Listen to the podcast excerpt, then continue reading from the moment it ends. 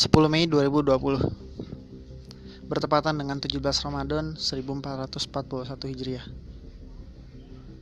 Yang sekitar 1450 tahun yang lalu Rasulullah SAW mendapatkan wahyu pertamanya di Gua Hiro. Dalam keadaan menyendiri Dalam self quarantine Dan pada hari ini Dalam self quarantine diriku di rumahku Aku ingin memulai segalanya sebagaimana Rasulullah memulai segalanya setelah mendapatkan wahyunya. Dan aku mendapatkan insightku untuk berbagi dalam sebuah pesan suara ini. Jangan lupa dengarkan episode pertama untuk mengetahui sebenarnya apa yang dimaksud dalam channel kali ini. Sampai jumpa.